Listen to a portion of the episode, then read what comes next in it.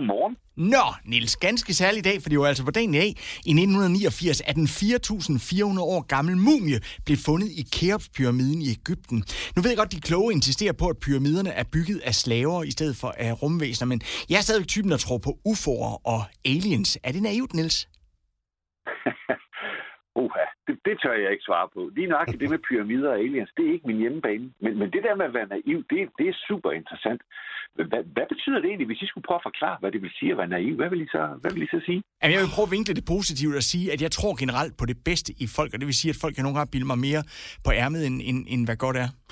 Jamen, det handler om at være, være hvad kan man sige, god, være godtroende, være nem og, og hvad kan man sige, overbevise om, øh, om noget, som måske ikke har sådan øh, den, store, den store hold i virkeligheden. Altså netop det der med at tro på folk og tro sådan meget fast på, hvad de forklarer en, det, det er nok rigtigt nok.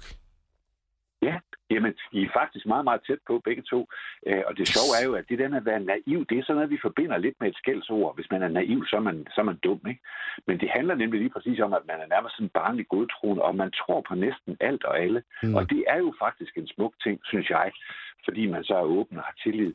Men problemet er bare, at verden er fyldt med faldgrupper af mennesker, der ikke vil os det godt. Mm-hmm. Så det kan også være sådan lidt en, øh, et benspænd fra sig selv, fordi man kan lidt blive drillet eller snydt, og, og måske også, det også blive sorteret fra til et job, fordi andre får den der fornemmelse af, at man ikke kan stole på ens øh, dømmekraft. Så det, det vil være en rigtig god idé, hvis man har den der fornemmelse, eller man er blevet kaldt naiv, at man prøver at kigge lidt på det, fordi man kan faktisk godt øh, bearbejde det. Fordi det, det, det handler om, det er egentlig bare, at man er ikke så god til at analysere og være mistroisk. Og det, jeg tror, det er første gang nogensinde, jeg vil prøve at komme med et tip til noget negativt, nemlig mm. det der med at være mistroisk. Mm. Øh, fordi det kan man faktisk godt lære at tænde for. Øh, og jeg har to sådan helt enkle små øh, råd. Det første, det er, hvis man står i en situation og tænker, nu skal jeg passe lidt på, så skal man prøve at kigge på personen foran sig, og så tænke over, har han eller hun en anden dagsorden, som han ikke kan fortælle mig om? Altså prøver han at snyde mig? Det kan være godt lige at stoppe op og prøve at tænke sådan, selvom det ikke føles rart. Mm. Og den anden ting, det er, at man så altid tænker lige bagefter, hvad er det, jeg ikke får at vide? Og hvis jeg skal prøve at give et godt eksempel, så hvis man står foran en sælger, det kunne være en fra Telenor ude i Bilka for eksempel, som er i gang med at fortælle om noget, der næsten er for godt til at være sandt, mm. så kan det være et godt spørgsmål at, at stille. Hvad er det, du ikke fortæller mig? Det kan sælger ikke lige at få at vide, øh, fordi så er de jo nødt til at sige sandheden. Og på mm. den mhm. måde får man altså skærpet sanserne lidt.